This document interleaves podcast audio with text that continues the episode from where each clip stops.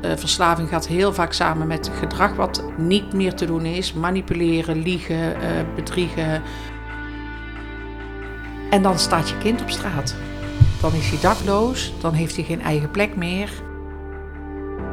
Want je staat continu aan. Ja, je gaat nooit uit, hè? Nee, Nee. het is continu aanstaan. Ik ben uiteindelijk bij de huisarts terechtgekomen en ik denk dat daar ergens misschien wel het begin van mijn herstel begint ook. Ja. Ehm, zij zei tegen mij, heb jij wel eens van moedige moeders gehoord? Nou, dan hebben we 15 jaar, ben ik verder, voordat ik besefte, oh, wacht, ik ben er ook nog.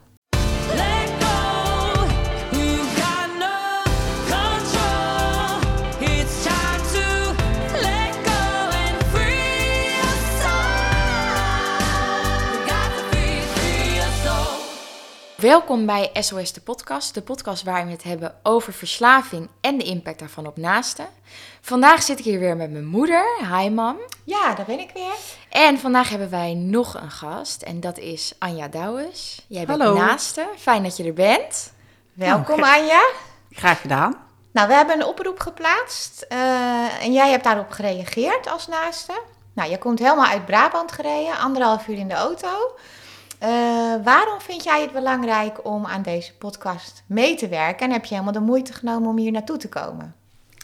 Ja, dat is best een lang verhaal, want dat is niet zomaar in één zin samen te vatten. Ehm, ik denk als ik het wel in één zin moet doen, dat het erop neerkomt dat ik het belangrijk vind dat er meer oog voor de naaste komt waar verslaving in eh, situaties eh, aan de hand zijn. Omdat ik denk dat er nog te onbekend is wat het voor ons voor impact heeft. Nou, heel fijn. We zijn, ja, we zijn super blij dat jij eh, wilde komen om je verhaal te doen. Ehm, ja, ik denk dat het gewoon goed is om te beginnen van... Ja, vertel eens wie je bent en wat jouw verhaal is. Ja, wie ben ik? Eh, moeder van een samengesteld gezin waarin wij vijf kinderen met elkaar hebben. Ehm, heel mooi. Van alle markten zijn we thuis ondertussen. Ehm, ik ben ondertussen bijna 25 jaar getrouwd. We hebben vier zoons, één dochter. De reden dat ik hier ben is omdat mijn oudste zoon te maken heeft met de ziekteverslaving. Oké. Heftig. Ja, de- we hebben al een hele heftige weg afgelegd. Ja, Ja, dat geloof met ik. elkaar. Ja. En, en hoe lang speelt dat al? Ja, weet je, ik was er natuurlijk niet bij de eerste keer. Nee. Eh, daarbij komt nog dat eh, wij als ouders altijd pas als laatste weten of dat Ja. een kind in gebruik is Ja. of eh, iets geprobeerd heeft. Ja. Het proberen is denk ik ehm, ja, 13, 14 jaar de eerste keer geweest. En als ik daarvan uitga, dan zijn we ondertussen 15 jaar verder. Ja, nou, dat is echt een hele, hele lange tijd. Ja, Maar er is een moment gekomen dat je toch eh, achter het gebruik bent gekomen. En hoe, hoe was dat? Wanneer was dat? ja daar wordt wel vaker gevraagd. Hè? En als ik daar naar terug ga grijpen, dan moet ik eerlijk zeggen dat ik niet eens zo heel goed weet hoe dat eruit heeft gezien. Oh nee. Ehm, ik, ik denk dat het op een gegeven moment ook een soort van gevoel is. Mhm. Reacties die plaatsvinden, situaties die je merkt. Ehm, en- Dingen die en- niet kloppen. Ja, het is een onderliggend iets waarvan je niet altijd meteen je vinger erop kan leggen. Maar ik kan me ook niet het moment herinneren dat ik er wel mijn vinger op kon leggen. Nee. Nee. Nee, het onderbuikgevoel eh, noemen we dat altijd. Ja. Ja, klopt. Ja. Ja. Ja. Ja. Maar dat was dus een proces. En hoe is dat uiteindelijk eh, verder gegaan? Ja, wij hebben, moet ik heel eerlijk zeggen, best een hele weg afgelegd. Want ergens begint het al op de driejarige leeftijd dat mijn zoon eh, van de peuterspeelzaal naar huis wordt gestuurd. Eh, niet meer terug mag komen. Waarin uiteindelijk het gevolg is geweest dat we naar de kinderneuroloog gestuurd zijn. En ik denk dat daar eigenlijk het proces eh, begint. Maar ik kan daar nu pas op deze manier naar terugkijken. Ja. Ja. Want eerst ga je eens kijken waar het, eh, het gebruik is begonnen. ja. Ehm, ondertussen ben ik zover zelf in mijn eigen herstel dat je ook verder kan gaan kijken als alleen maar naar dat moment. Ja. En dan ligt er meer onder. Ik denk dat daardoor ook steeds meer eh, dubbele diagnosebehandelingen helder zijn geworden, omdat daar. Ja, dus ehm, niet alleen maar de behandeling voor de verslaving, maar ook de ja, onderliggende problematiek of diagnose. Ja, juist. Ja, want Ja. als ik ga kijken naar mijn eigen kind, want daar hou ik het dan altijd maar eh, bij, omdat dat eh, mijn eigen ding is. dan zijn er al heel veel trauma's geweest. En het klinkt misschien heel bijzonder, maar ik kan wel begrijpen dat hij gebruikt, al keur ik het nooit goed. Nee. En de onderliggende trauma's hebben ervoor gezorgd dat hij een bepaalde manier van rust heeft eh, ontdekt. En dat heeft hij dus gevonden in het gebruik van wiet. Ja. Ja. En dan is wiet iets waarvan tegenwoordig heel vaak gezegd wordt van... ach, het is maar wiet. Ehm, ik kan je vertellen, het is niet alleen maar... ach, het is maar wiet. Nee. Ja. Ehm, ja, en, en wat is dan het moment? Dan denk ik, ja, het onderbuikgevoel van moeder. Want ehm, ja, dat is waar het uiteindelijk dan eh, toch wel begint. Ja. En kun jij dan uitleggen, ehm, wanneer werd het een probleem? Wanneer ging het eh, ja, jullie gezin en hem beïnvloeden op een negatieve manier? Nou, ehm, ik moet eerlijk zeggen, omdat het al op driejarige leeftijd begint, hebben we daar natuurlijk al een, een proces vooraf aangegaan, zonder dat het nog een, de verslaving het probleem was. Eh, de verslaving zelf is het probleem, denk ik, geworden eh, in combinatie met gedrag. Ja. Want vooral eh, verslaving gaat heel vaak samen met gedrag wat eh, niet meer te doen is. Manipuleren, liegen, bedriegen, stelen van geld, stelen van spullen. Ehm, geen ja, zicht meer hebben, want ik wil het geen controle noemen. Want die controle heb ik wel geleerd dat je die toch niet kan hebben. Nee. Maar je hebt geen zicht meer op wat je kind doet, eh, waar het is, waar het verblijft, hoe lang het op straat is. En al die factoren samen, ja, die zijn voor ons op 11-jarige leeftijd al wel zodanig geworden dat hij uit huis is gegaan. Ja. En toen was er nog niet eens alleen sprake van gebruik. Dus daarna begint pas ja, ehm, het vervolg van de weg die wij al ingeslagen waren. ja, ja, En het echte probleem is ehm, kenbaar geworden.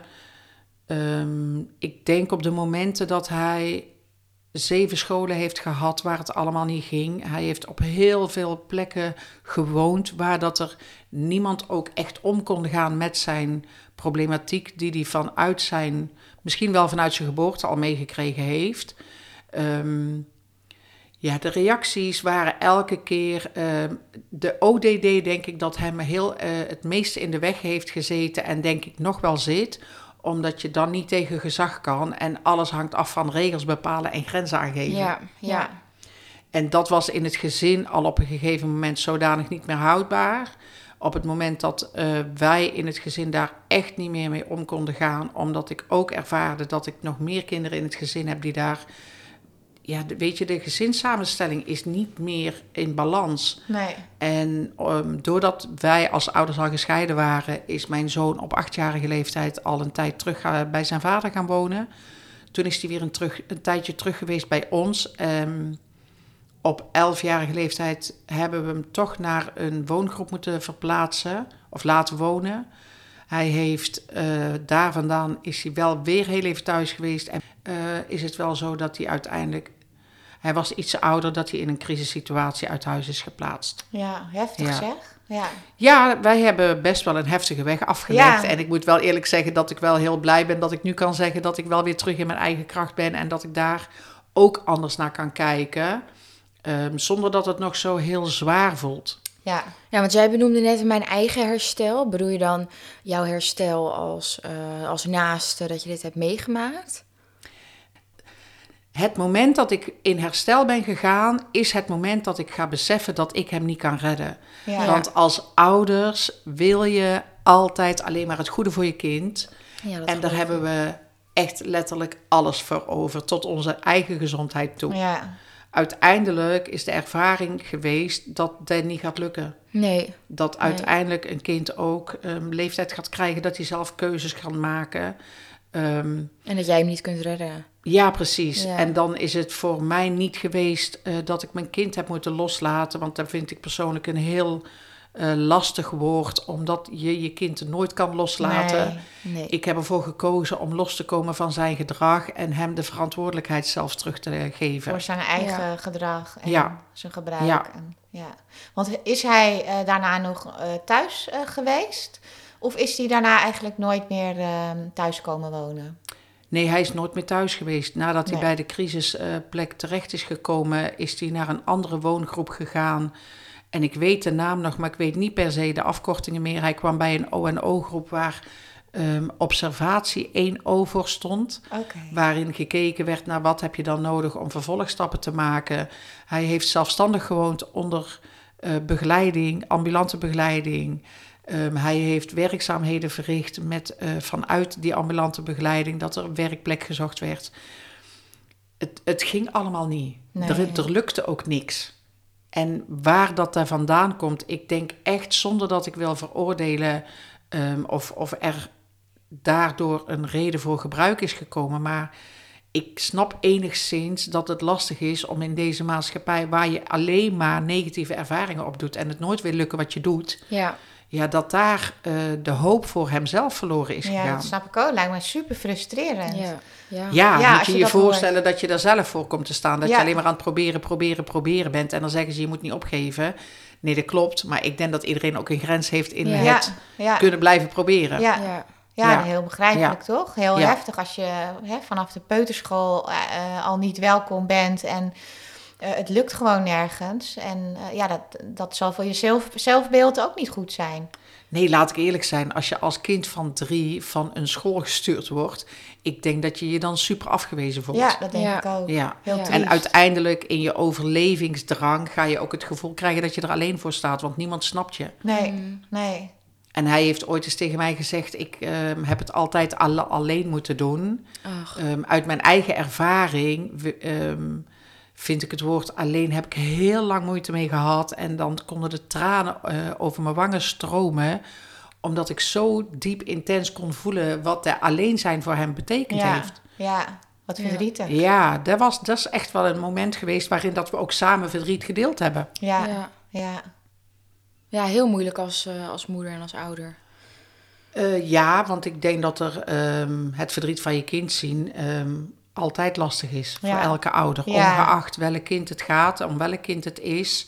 Uiteindelijk wil denk ik elke ouder gewoon heel graag zijn kind gelukkig zien. Ja, absoluut. Toch? Dat, Dat en is, daar eh, doe je dus letterlijk alles ja, voor. daar doe je alles Daar ga je over je eigen grenzen voor. Ja, ja.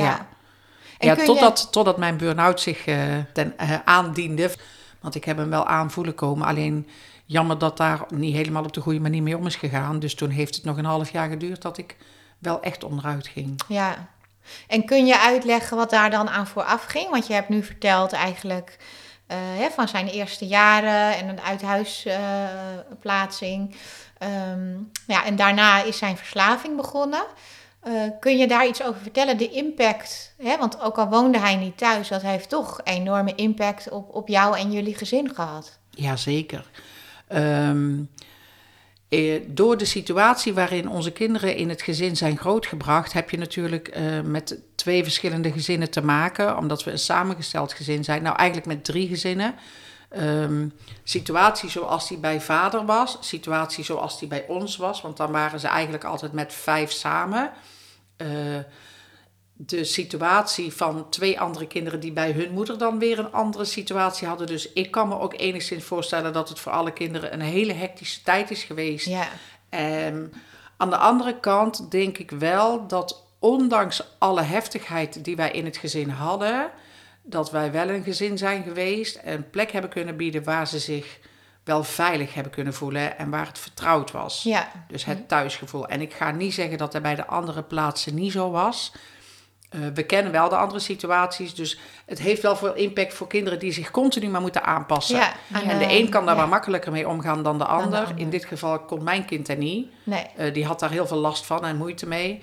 Aan de andere kant was het ook zo dat het altijd wel gezellig was dat er een soort van iemand was die met hem iets wilde doen. ja, Ja. En dan heb je met drie nog broers en een zusje wel, ehm, ach, er is altijd iemand ja. die wel iets met mij wil. Altijd wel gezellig. Ja, ja, Ja. precies. Ja, Eh, wat daarnaast, wat ik wel ervaren heb nu, want ik kan daar nu op deze manier op terugkijken, is dat zijn zusje altijd 24 uur per dag bij hem was. Ook als hij naar zijn vader ging de weekenden, ja, dan hadden we één kind thuis. We hadden twee jongens bij hun moeder en eh, de andere broer en zus waren dan bij hun vader. ja. Ja. Die zus heeft daar denk ik wel heel veel eh, meer van meegekregen dan wij, omdat wij hem de weekenden dan Dan was een hij er soort niet. van, ja precies, Ja. dan kon je hem even bij vader laten en ook daar laten zijn. Ja, Ja. maar zusje was daar altijd bij. Ja, Ja, en ik eh, kan me nog zeker wel herinneren dat ehm, Het gevolg is geweest voor het gezin. Ik heb altijd, denk ik, alle zorgen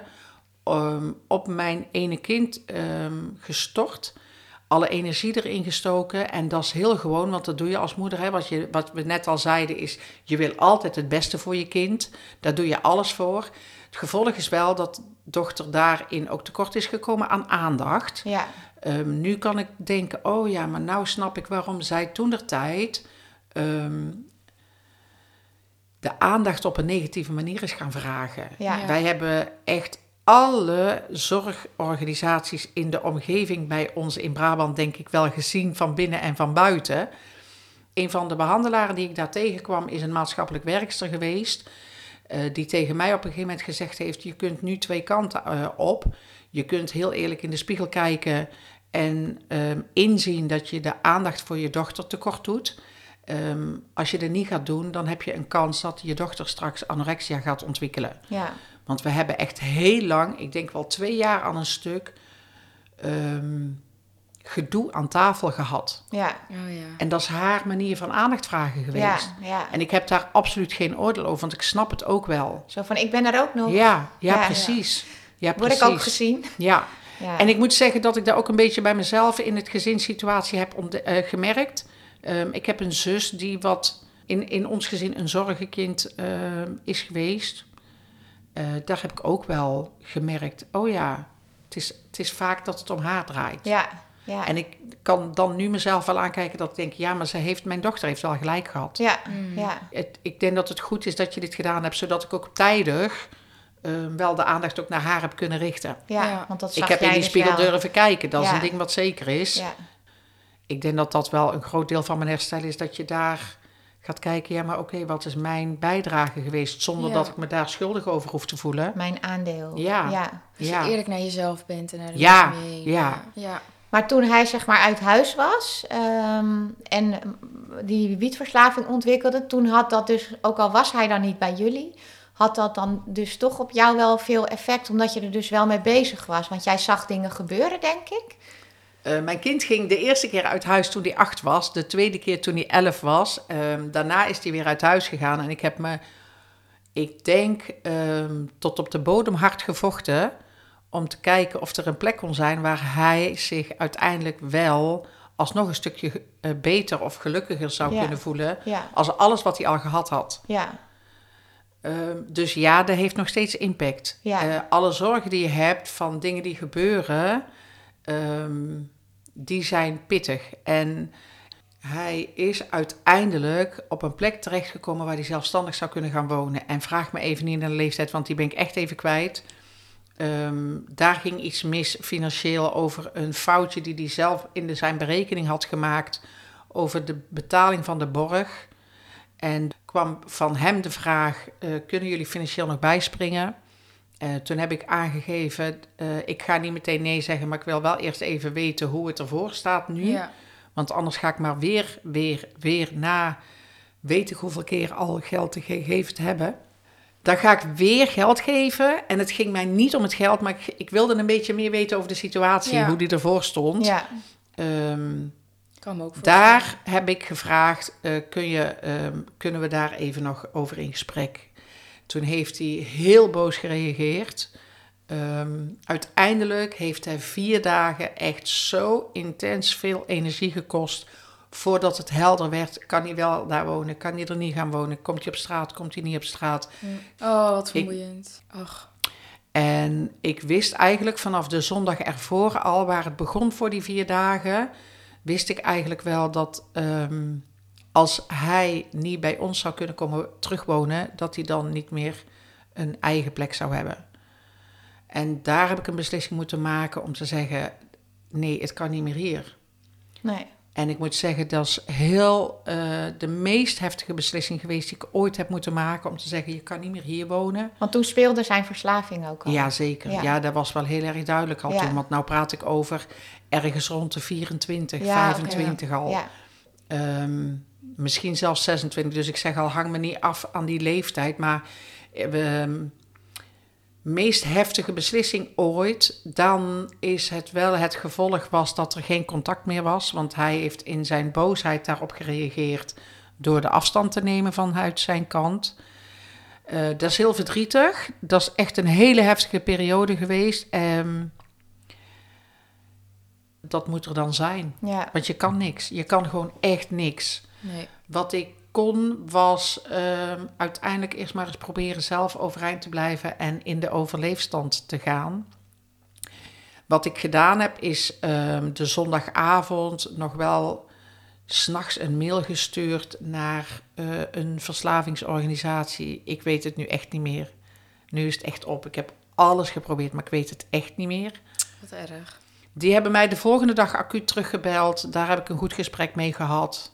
Ik ben uiteindelijk bij de huisarts terechtgekomen en ik denk dat daar ergens misschien wel het begin van mijn herstel begint ook. Ja. Dat is ehm, de burn-out die ik gehad heb, heeft anderhalf jaar geduurd voordat ik eruit kwam. En alles bij elkaar is in die periode dit ook allemaal gebeurd. Dus het, het loopt allemaal met elkaar over. En dan staat je kind op straat. Dan is hij dakloos, dan heeft hij geen eigen plek meer. Ik weet nu dat hij gelukkig nooit op straat heeft hoeven te slapen. Eh, er zullen een, mensen zijn die de podcast luisteren en daar best een lastig item vinden, want je kind op straat zetten, dat is echt niet iets wat je zomaar doet. Nee. Nee. Daar is echt wel een hele weg aan vooraf gegaan. En dan ehm, kan ik nog uren vertellen over wat er ooit gebeurd is. De, dat ga ik niet doen, want Nee. eh, dat is wel de reden waarom ik uiteindelijk een boek aan het schrijven ben ook. Oh, wat goed. Ja, en dan niet zozeer een boek over mijn verhaal, maar wel wat vooral mij geholpen heeft in, Ja. in al die jaren. En hoe ik terug ben kunnen komen in, op het punt waar ik nu sta. Ja. In je eigen kracht Ja. eigenlijk, Ja. zeg maar. Want dat was je wel kwijt, denk ik. Oh, absoluut. Het Ja. was alleen maar overleven geweest. Want iedereen die altijd zegt, oh, je bent zo'n sterke vrouw. Dan denk ik, je moest eens weten. ja. Ja. Ik straal dit uit en van binnen ging ik zo bijna dood, zeg maar. Ja, ja. Van, van alleen maar alle stress en spanning die er continu... Want je staat continu aan. ja, je gaat nooit uit, hè? Nee, Nee. Het is continu aanstaan. Ik wil heel even nog terugkomen op, de, op, op straat. Hè, van, van je kind niet meer binnenlaten. Ik vond dat voor mij ook wel anders toen hij 23, 24, 25 ergens was. In plaats van dat je dat bij een kind Van, van 16 17, of- 18 Ja, zegt. Ja, want dan heb je echt wel met Ja. een hele andere leeftijd te maken. Ja. Je En een praat nu van- echt over een volwassen, volwassen jongen. Ja. Absoluut. En jij hebt dit zo meegemaakt en ehm, ja, je bent daar nu ook veel mee bezig, hè? want je werkt ook in de, in de verslavingszorg inmiddels. Ja. Ehm, maar wat eh, zijn voor jou echt valkuilen voor naasten? Wat, wat denk je? Ik heb een eigen valkuil als voorbeeld. Ehm, ik kreeg op mijn eerste werkdag een telefoontje. Waar ik niet verder op in wil gaan over waar het telefoontje over ging. Maar dat het precies een situatie was. Waarin duidelijk werd wat de situatie rondom mijn zoon op dat moment was. En echt twee tellen en ik stond ook aan. Oh ja. En ik ben al drie jaar in mijn eigen herstel. Maar het heeft twee seconden geduurd dat in mijn hoofd mijn valkuil heel duidelijk weer werd. Oh, en dan moet ik dit en dan moet ik zus en dan moet ik zo. En dan... Maar alles draaide weer om hem. Ja. Terwijl ik vanuit mijn werk naar huis moest om eerst eens mijn hondjes uit te laten. En dat ik nog boodschappen, dat was wat ik eigenlijk wilde gaan doen. ja. Ja. En binnen twee tellen was heel dat systeem van mijzelf om. Ik moet zeggen, dat heeft in het eh, afzakken, want ik heb mijn werkdag afgemaakt. Ik ben naar huis gereden, toen dacht ik, ik moet helemaal niks. Nee. Ik ga eerst eens gewoon doen wat voor mezelf Mijn belangrijk hondjes is. en mijn Ik ga boodschappen. eerst mijn hondjes doen, ik ga eerst mijn, precies dat. Ja. Ehm, en daarna ga ik eens kijken wat ik voor jou kan betekenen. Ja. Ja. En ja, ik heb daarin eh, een handeling verricht. Maar wel toen mijn valkuil dus duidelijk werd. Oké, dit moet anders. Ja. Want jouw valkuil, als ik het dan goed begrijp, anders moet zeggen, is dan toch meteen in de houding, in de hulphouding springen, alles laten vallen van je eigen dingen en alles gaan fixen om maar te zorgen dat zijn situatie dan zo goed mogelijk eh, verloopt of is. Bedoel Een je beetje dat? Precies dat, precies Een beetje dat redden ook wel. Ja. toch? Ja. Nou, ik wil het niet per se redden meer noemen, want nee, ik ben echt zover dat ik weet dat dat niet kan, maar wel Ja, meteen in het helpen. Het Ja. helpen, ja. Ja. Ja, En, en eigenlijk kom ik dan denk ik terug bij weer verantwoordelijkheid nemen Mhm. in plaats van helemaal redden. Ja, oké, Ja. ja. ja. Ja, hoe bedoel je dat precies? Nou, het redden, eh, daarvan weet ik echt, echt, echt dat ik dat niet kan. Dat hij die keuze zal moeten maken Ja. om een ander leven te willen gaan leiden. Dat hij ehm, de enige is die die keuze Die dat kan, kan, doen maken. en die daar verantwoordelijk voor is. Ja, precies. Ja. Alleen wat meteen was, is: oh ja, hij heeft hulp nodig en dan moet ik wel helpen. Oh ja. Maar ik vind echt wel een verschil tussen iemand helpen of redden. Ja. Mm. Want het redpatroon heb ik al doorstaan. Ja, Ja, precies. Al heel lang gehad. Ja. Ik bedoel, als ik terug ga kijken, dan heeft het alles bij elkaar vanaf als ik ervan uitga dat hij 13 was en zijn eerste jointje gerookt heeft. Nou, dan hebben we 15 jaar, ben ik verder, voordat ik besefte, oh, wacht, ik ben er ook nog. Ja. En ik moet goed voor mezelf gaan zorgen. Ja. Ja, wat je dan vaak hoort, eh ik noemde het net al eventjes, dat dan veel mensen zeggen, nou ja, wiet, ja, als het nou cocaïne of heroïne is, oké, dat is pas erg. Maar ehm, kun je eh, kort iets vertellen van wat dan bijvoorbeeld een gevolg hè, van zo'n wietverslaving kan zijn, wat dus echt wel heel heftig is in iemands leven, hè, in zijn leven, gevolgen die het heeft. Omdat je heel vaak eh, hoort of het gevoel hebt van, nou ja, het, maakt, het- doet, doet niet zoveel, heeft niet zoveel impact. Ja, het is hè? natuurlijk eh, officieel softdrugs, dus dat is wat mensen ook ervan denken. Ja, dus kun je, kun je een voorbeeld geven dat het voor hem in zijn leven, eh, wat het heeft aangericht, zeg maar. Hè? Wat toch voor hem ook schadelijk was of eh, een erg gevolg. Ehm, ja, ik moet eerlijk zeggen dat het mij wel eens verbaast. Want ik ben natuurlijk ondertussen me ook gaan verdiepen. Ehm, ik heb heel veel gelezen. Ik heb heel veel series gekeken. Ik heb heel veel. ehm, ik heb wel een aantal trainingen gevolgd waarin dat je wat meer helder krijgt over het gebruik van, van wiet. Wat voor mij vooral ehm, is, is bijgebleven, is dat de samenstelling van de wiet heel anders is dan alle jaren geleden. En wat ik heel vaak hoor, waarvan ik tot nu toe van mijn eigen kind niet weet of het wel ooit gebeurd is. Ik heb het nooit meegekregen, gelukkig. Is dat er heel vaak psychoses aan te pas komen. Ja. Dat het gevolg van veel, veel wietgebruik wel psychoses veroorzaakt. Wat ik al zei, ben ik heel blij dat wij dat niet ervaren hebben. Of in elk geval ben ik er niet bekend mee dat het bij mijn zoon zo is. Wat ik wel zie gebeuren, ehm, is dat het een makkelijke manier gaat zijn om in een wereldje te komen waarin je wil dat je kind niet komt, omdat het uiteindelijk gaat naar een makkelijke manier van geld verdienen. En hoe bedoel je dat? Ja, dat is, dat is eigenlijk natuurlijk simpel, dat er op een gegeven moment gedeeld moet gaan worden. Oh, zo ja. Ja. ja. Ja, Om ergens aan te kunnen komen. Ja. Ja, ja. En dat is eigenlijk ook alles wat ik erover kwijt wil. Ja. ja dat snap ik. Ja. maar dat je dus op gebieden komt waar Ja. je niet wil zijn. Ja, Zo, precies. eh, ja, Ja. ja. En dan vooral voor veel jongeren, want ik wil, ik wil naast de podcast zelf ook wel een stukje, hoop ik, eh, wat preventief daarin eh, te kunnen bijdragen. Het is, het is echt zo eenvoudig om die jongeren vooral eh, naar een stukje criminele wereld te krijgen, te krijgen in, een, in een crimineel wereldje terecht te laten komen. ja. Ja, dat is, dat is gewoon eh, heel triest. ja. Ja. Ja, ik, had- ik had even nog wat dingen erover opgezocht.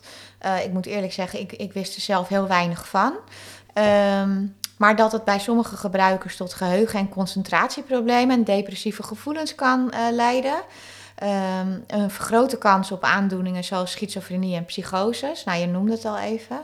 Eh, nou, het combineren met andere middelen kan deze risico's ook versterken. Ehm, en waar ik eigenlijk zelf nooit bij stil had gestaan, is dat het, ehm, ja, zeg maar de neerslag van teer in de longen eh, bij een joint tot vijf keer groter is dan bij een normale sigaret. Ehm, ja, er staat ook het verhoogde kans op hartkloppingen, flauwvallen, een klaplong, tijdelijke onvruchtbaarheid en een daling van de bloeddruk. Dan denk je, wow, het, Ja. het lijkt zo onschuldig. Ja. Nee, maar nou je dit zegt, hè, begint er wel iets te dagen. Hij heeft eh, uiteindelijk wel een keer in het ziekenhuis gelegen, inderdaad, met longproblematiek. Oké. Oh, ja. En eh, een aandoening in zijn, ja, als ik het goed zeg, richting zijn darmen, buik, eh, eh, in dat gebied van zijn lichaam eh, is, is al een keer iets niet goed gegaan.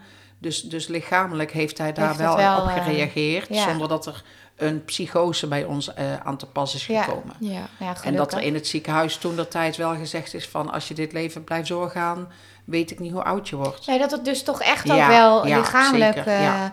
heel En heel, is. wat ik heel vaak terug hoor, is die depressiviteit. Ja, Weet je, aan de ene kant is het een rustgevende ehm, eh, effect, maar dat betekent ook dat er vaak een downer is. Ehm, gevolg is vaak dat er combinaties worden gezocht met andere middelen. Want als ik zo down ben, dan wil ik Om toch eigenlijk ook wel weer iets daartegenover. Ja, Ja, dan kom je in andere middelen terecht. ja. ja. En dat is iets wat je heel vaak ziet gebeuren, hoor. dat er vaak wel een combinatie van gebruik is, vaak alcohol gecombineerd met een middel. En wat ik uit ervaring ondertussen wel eh, heb meegekregen, is dat er ook vaak begonnen wordt met een jointje en dat dat ook eh, naar meer eh, gaat proeven of zo. Ja, En sommige mensen iets meer of iets sterkers willen. ja. ja, is vaak een begin, hè? Ja. ja. Ja, want dat is natuurlijk wel, ja, laat ik eerlijk zijn, de, makkelijkste koffieshop kun je zo naar binnen Ja, lopen. ja, dat is niet zo moeilijk. Ja, en ik zou zelf willen, dat is echt, hè, ehm, als ik ervan uitga, de kennis die ik heb, eh, als het gaat om het produceren van de wiet, weet ik dat er in Nederland een plek is waar medicinale wiet wordt geproduceerd. Waar de gelijkheid van de stoffen die erin zitten altijd gelijk zijn gebleven, omdat ze met één zaadje zijn begonnen. En dat is een plantje geworden. Datzelfde plantje daar vandaan is elke keer opnieuw een zaadje geplant. Oh, Eh, dat betekent dat er altijd dezelfde hoeveelheid in is gebleven.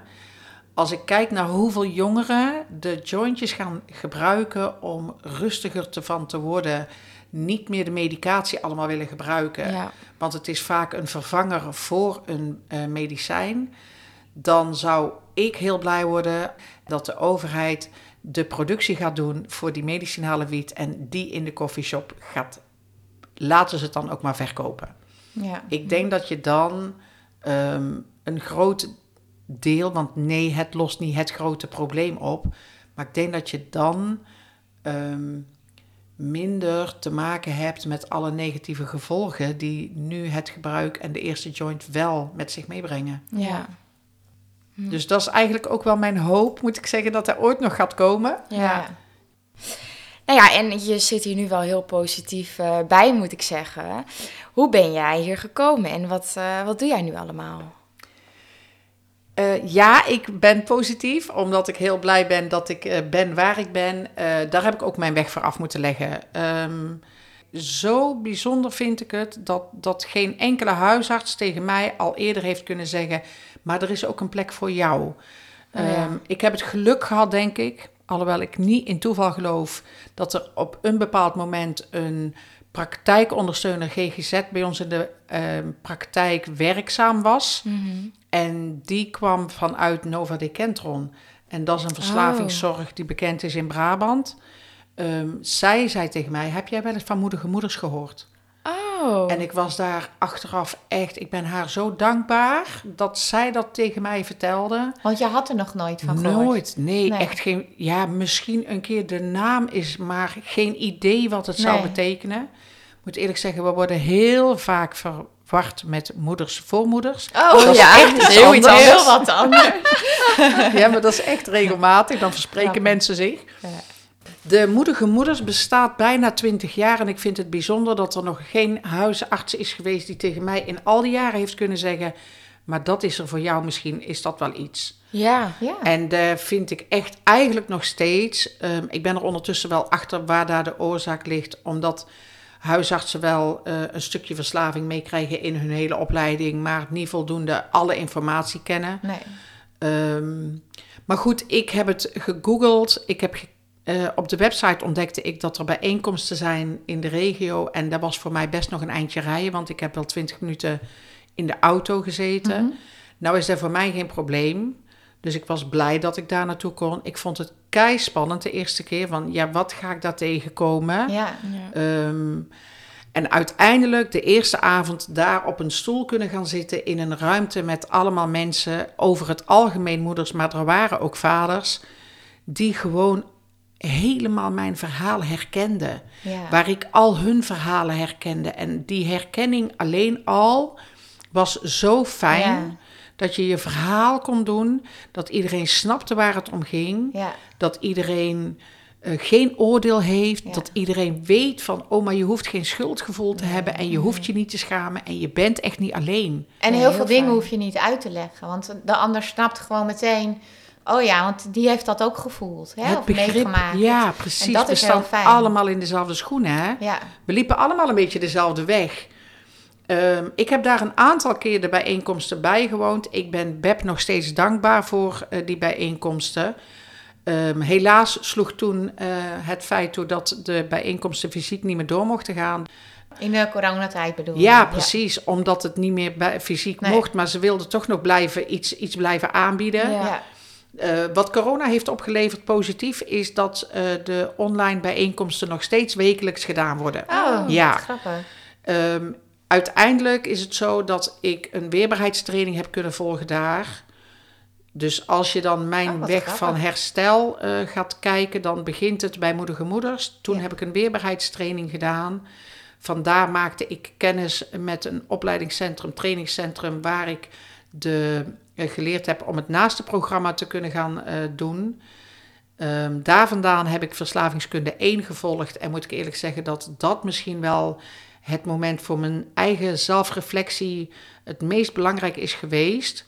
Eh, die is heel heftig geweest. Ik ben me er zelf daar heel hard tegen gekomen. Ik had nog heel veel issues zelf te verwerken. Oh ja.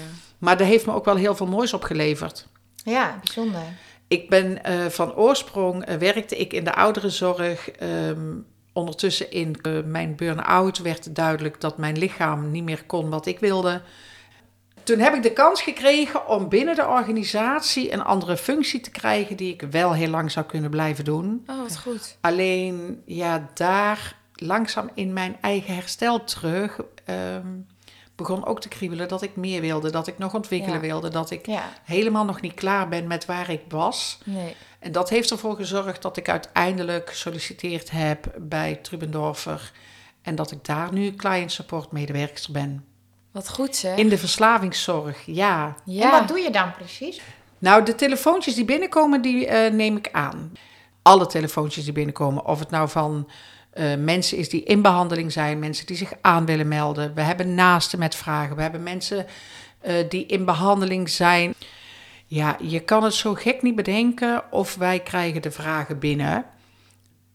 Wat ik het meest fijne vind, is dat ik vanuit mijn ervaring als naaste, deze naaste, nou advies kan geven van hé, hey, er is voor jou ook echt iets. Want Ja. ik weet nog hoe fijn het was dat ik te horen kreeg, er is voor jou ook iets. Ja. Ja. Weet je dat er voor jou ook iets is? Ja. Want de organisatie waar jij voor werkt, hoe heette het, zei je? Ik ben, eh, ik ben werkzaam bij Trubendorfer. En, en zij zijn een kliniek? Of? Nee, Trubendorfer is een verslavingszorg die eh, ambulante behandeling bieden eh, met dubbele diagnose.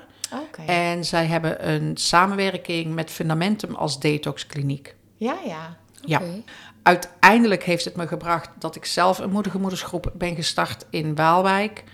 Eh, dat heeft te maken met het feit, op het moment dat ik de ruimte heb om 20 minuten in die auto te zitten, heb ik me ook beseft, er zijn zoveel mensen die dat niet hebben. Nee. Ik heb nog een half jaar vrijwilligerswerk gedaan bij beschermd wonen van het Leger des Heils. Eh, daar had ik ook echt dat ik denk, en deze mensen hebben ook allemaal naasten. Ja. Want heel vaak zijn de mensen die bij beschermd wonen wonen, eh, waar ik in elk geval het vrijwilligerswerk gedaan heb, eh 80%, 90% ook in gebruik. En daar besefte ik echt dat ik denk, oh jee, en al deze ouders en broers en zussen en familie en vrienden daaromheen, die staan in dezelfde schoenen als dat ik sta. Ja. Heeft ervoor gezorgd dat ik dacht, ja, maar deze mensen moeten eigenlijk ook allemaal een plek kunnen krijgen.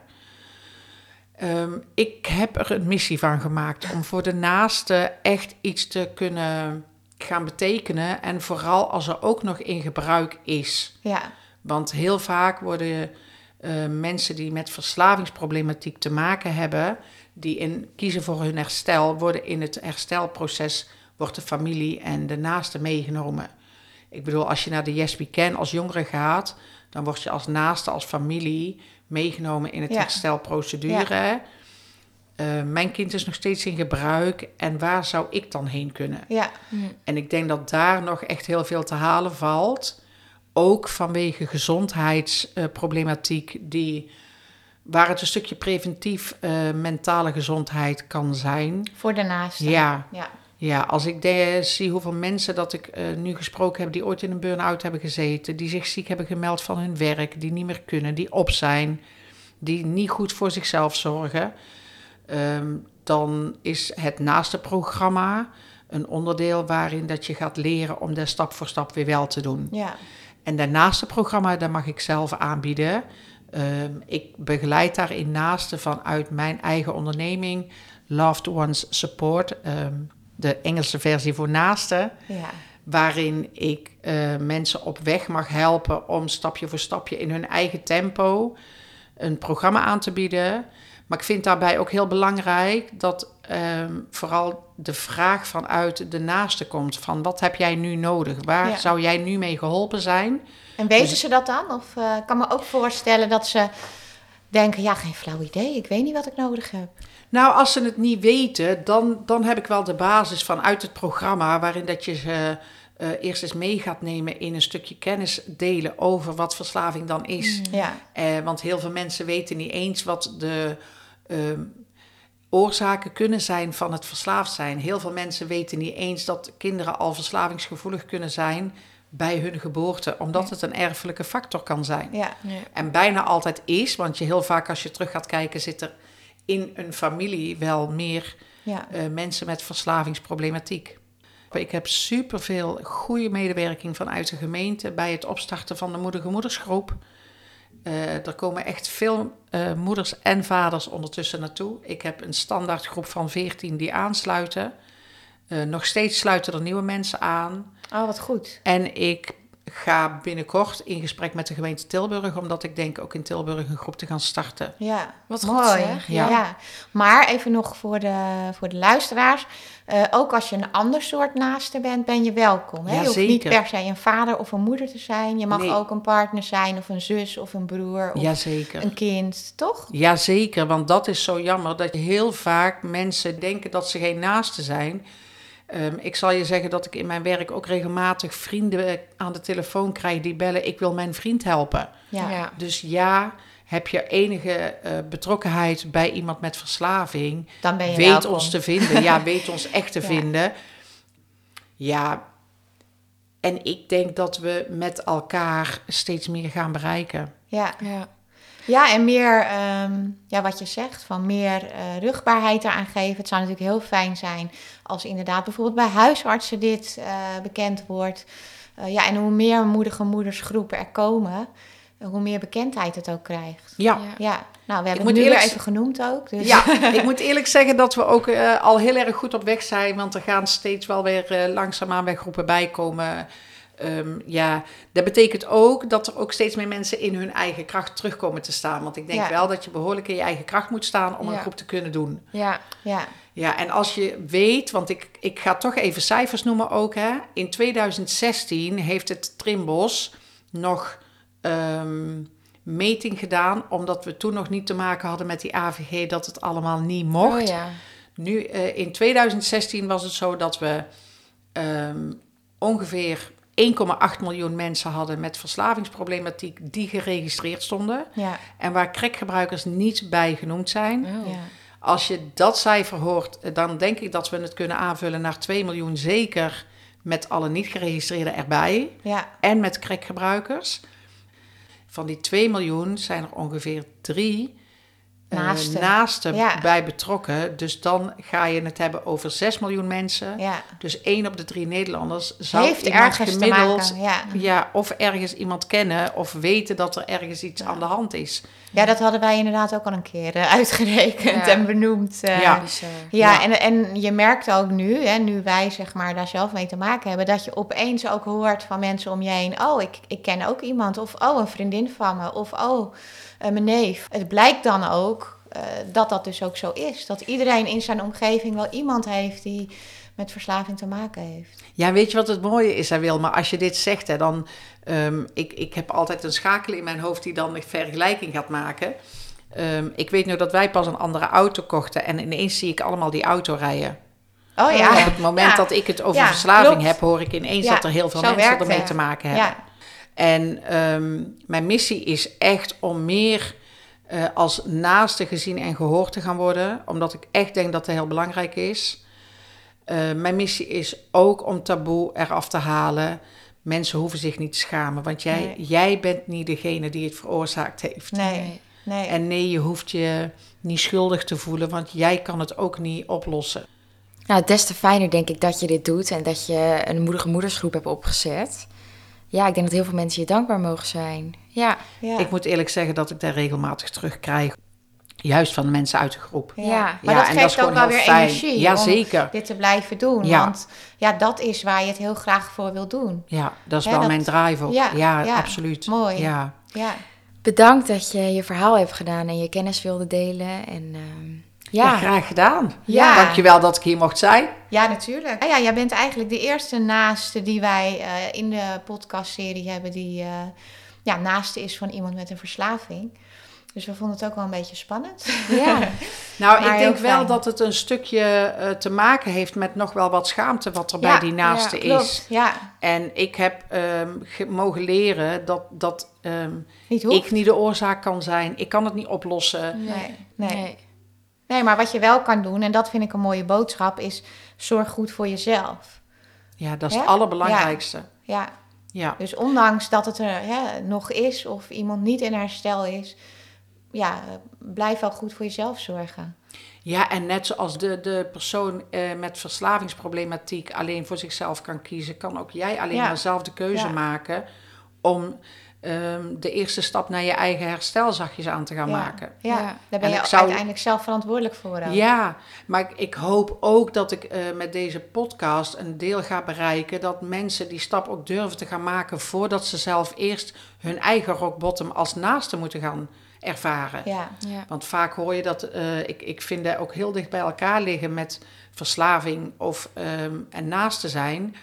De persoon met verslaving ehm, ja, heeft vaak een rock bottom aangetikt voordat hij eh, kiest voor herstel. ja, Ik hoop dat ik naast haar voorkomen mag dat dat moet gebeuren. ja. Ja, dat ze dus niet eerst in die burn-out komen voordat ze, hè, maar dat Ja. het het moment daarvoor, lang daarvoor hopelijk kan zijn. En daar helpt het naaste programma echt bij. ja.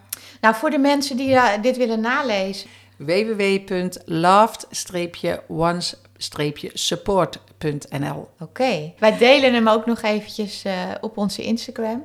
Dus lieve luisteraars, bedankt voor het luisteren allemaal. En schaam je niet mocht je ermee te maken hebben. Wees welkom bij Moedige Moeders. En Anja, heel erg bedankt voor je verhaal. Ja, heel erg bedankt. En voor de luisteraars, tot de volgende keer. Adios. Adios.